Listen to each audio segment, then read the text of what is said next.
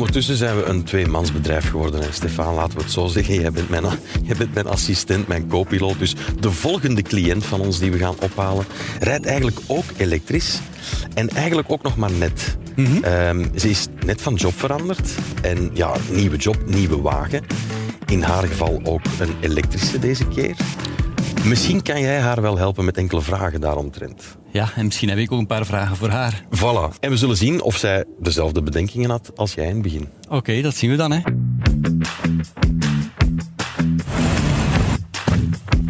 Daar gaan we...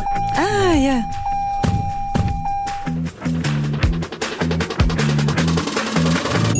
Welkom aan boord van Taxi Total Energies, een podcastreeks die jou in drie afleveringen wegwijs maakt in de wereld van de EV, de elektrische voertuigen.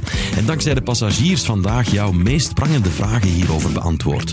Want we willen allemaal graag ons steentje bijdragen aan een betere wereld en zeker door onze voetafdruk wat onder controle te houden door de verplaatsingen die we dagelijks maken. Maar de stap is soms te groot. Onze centrale gast, Stefan de Gank, Director Charging Solutions bij Total Energies, zal ons navigeren door de wereld van elektrische motoren, groene stroom en laadstations. Tijdens onze rit komen we nog wat mensen tegen die graag willen overstappen naar elektrisch rijden of daar een centrale rol in spelen. Nu aan boord Ilona, een werknemer die verandert van job en van wagen en daar ook wat vragen rond heeft. Al goed.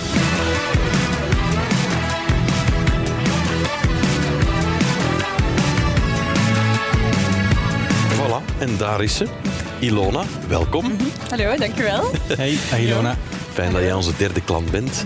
Dit is Stefan van Total Energies. Ik ben Elias, jouw taxichauffeur. Waar rijden we naartoe?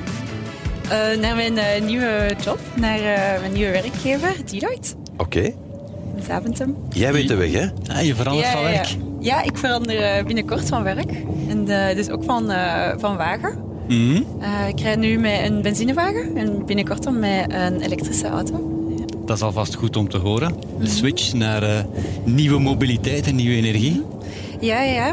Eh, ja, ik ben wel zo benieuwd hoe dat, dat, hoe dat eigenlijk voelt om een eh, elektrische auto te, te rijden. Ik heb nog nooit met een elektrische wagen gereden. Voelt dat eigenlijk anders? Om... Eh, Heb je, al een, je hebt er nog nooit mee gereden? Nee, nee, nog nooit. Heb je al een keuze gemaakt van wel- welke wagen dat je gaat bestellen of eh, gaat nemen? Eh, nee, dat ook niet. Want eh, ja, nee, in het begin krijg ik eentje die gewoon ter beschikking is. Achteraf, dan na een paar maanden mag je het doet, er- doet er niet veel toe. Hè. Ja. als, er iets, als je iets van iets kan zeggen van een elektrische wagen, is het rijcomfort. Het is, het is zalig om mee te rijden. Ik kan dat bevestigen. Ja, inderdaad. Dank je, Elias. Klopt. Ja, je, je hebt, je hebt dat, die, die, die stilte, dat, eh, die soepelheid. Acceleratievermogen ook. Ik weet niet of je een sportieve chauffeur bent, maar eh, dus ook... eh, Ah ja, nee, maar allee, dat kan wel eens anders zijn in de, op de autostrade of zo, Mm. om eh, in te voegen of zo. Dus dat haalt eigenlijk sneller een bepaalde snelheid, uw wagen. ja, absoluut. Ja, ja, oké. Dus als, als dat jouw e- enige zorg is, dan is eh heel, heel, heel... Grote bezorgdheid is eigenlijk wel die actieradius. Mm. Eigenlijk gemiddeld, hoe, hoe ver kan zo'n eh, een elektrische wagen meestal eh, rijden? Hangt er vanaf. Hè. Eigenlijk moet je de vraag een beetje on, on- anders stellen. Ehm, hoe, hoeveel ga jij per dag met jouw wagen rijden? Eigenlijk is dat de vraag.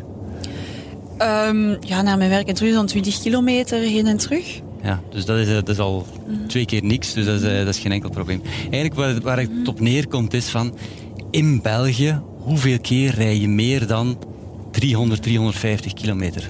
Maar van tegenwoordig, dat is een beetje de actie- actieradius hè, van, de, van de meeste nieuwe eh, vol EV, battery EV vehicles, is eh, een 350 kilometer. oké. Hangt er ook wel wat vanaf tussen de zomer en de winter. In de winter eh, doe je wat minder. In de zomer ga je zien dat je dat makkelijk eh, 10, 10 tot 15 procent meer, eh, verder kunt rijden. Mhm, Oké, maar ja, ik ga ook wel graag op vakantie met de auto. Ja. Dus dan denk ik toch wel dat je daar een beetje moet naar organiseren. Waar ga je dan Ehm, naartoe, Ilona?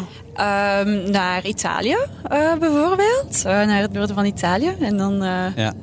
Dat die laatste keer zijn we daar noorden van Italië gaan. Dan doorgereden naar Corsica zelfs, Ja. een boot op. Maar ja, dus ik denk, ja, zijn er dan bijvoorbeeld bepaalde apps of zo waarop dat je goed kunt zien, ah, ik kan daar laden. Ja, dus eh, eigenlijk is dat de eerste vraag die eh, iemand die nog niet met elektrisch rijdt, is van wat ga ik doen als ik op reis ga? En dat is juist, dat is één of twee keer per jaar.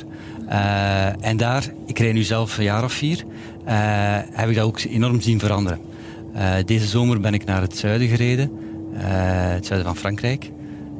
aan de Côte d'Azur. Wel, elk station langs de snelweg had snelladers en ultrasnelladers. Dat betekent dat je eigenlijk geen enkel probleem meer hebt om met een elektrische wagen naar jouw bestemming, eigenlijk op je vakantiebestemming te gaan.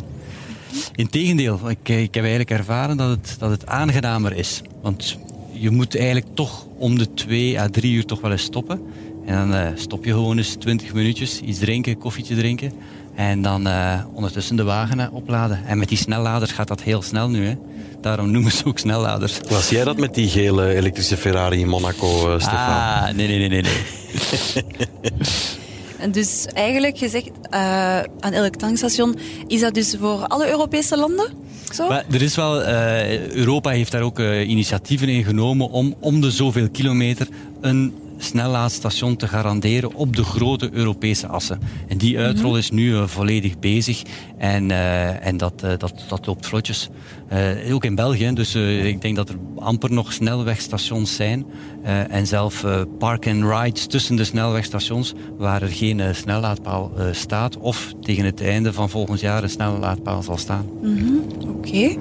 Um, iets dat ik mij ook wel afvroeg is uh, eigenlijk elke wagen compatibel met elke laadpaal?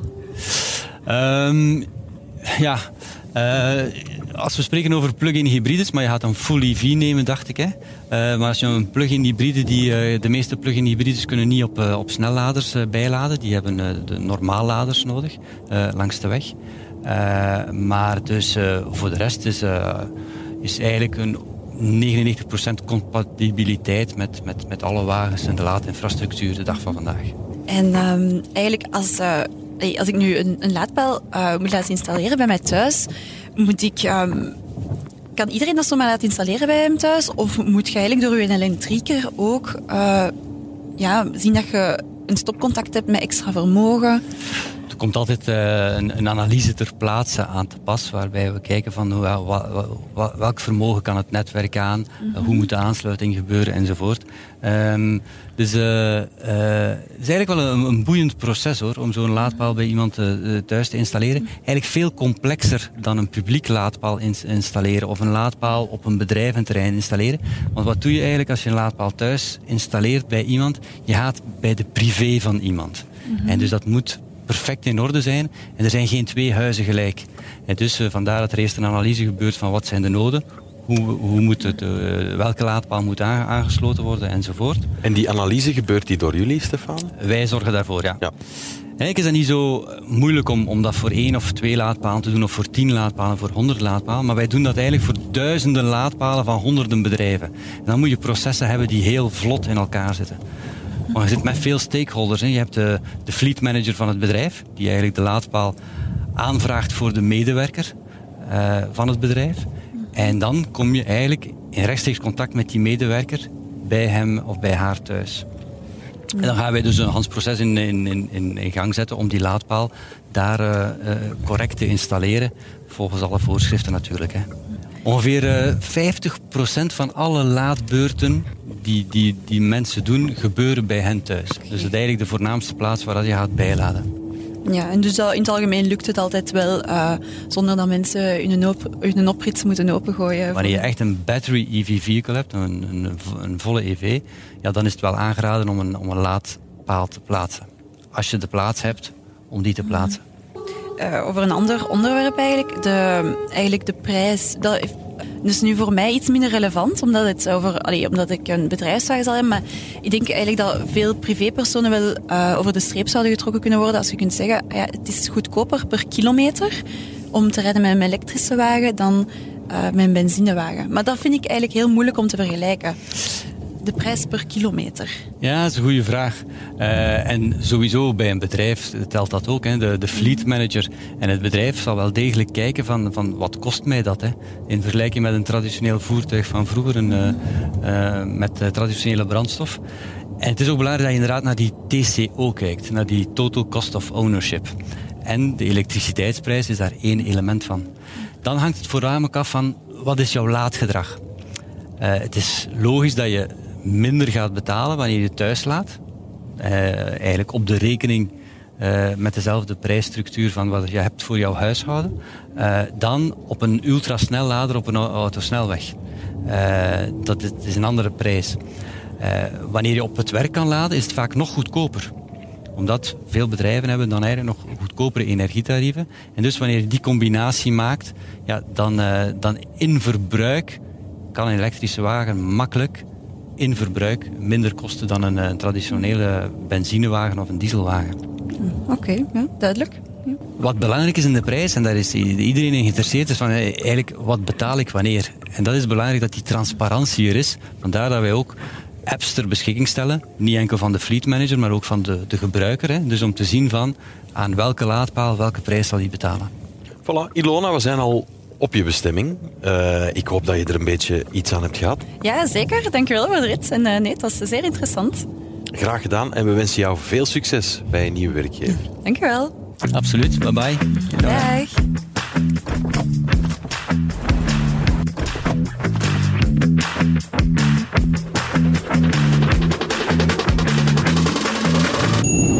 Stefan, de Beatles of de Rolling Stones? Ik hou van beide, maar laten we de Rolling Stones uh, nemen. Ze hebben nog niet zo lang terug een nieuwe plaat opgenomen. Ja, dat is waar. Maar dan komen we toch niet overeen. Ja, maar ik heb ook gezegd, ik hou van allebei. Hè? Dat is waar, dat is waar. Maar drink jij je koffie zwart, met melk, met suiker of full option? Wat, wat wordt het? Zwart en kort. Een, een espresso. Op dat vlak zitten we volledig op dezelfde golflengte. En ik stel dan ook voor dat we even een korte pitstop maken en onze batterijen herladen met een goede koffie. Denk Mooi je zo.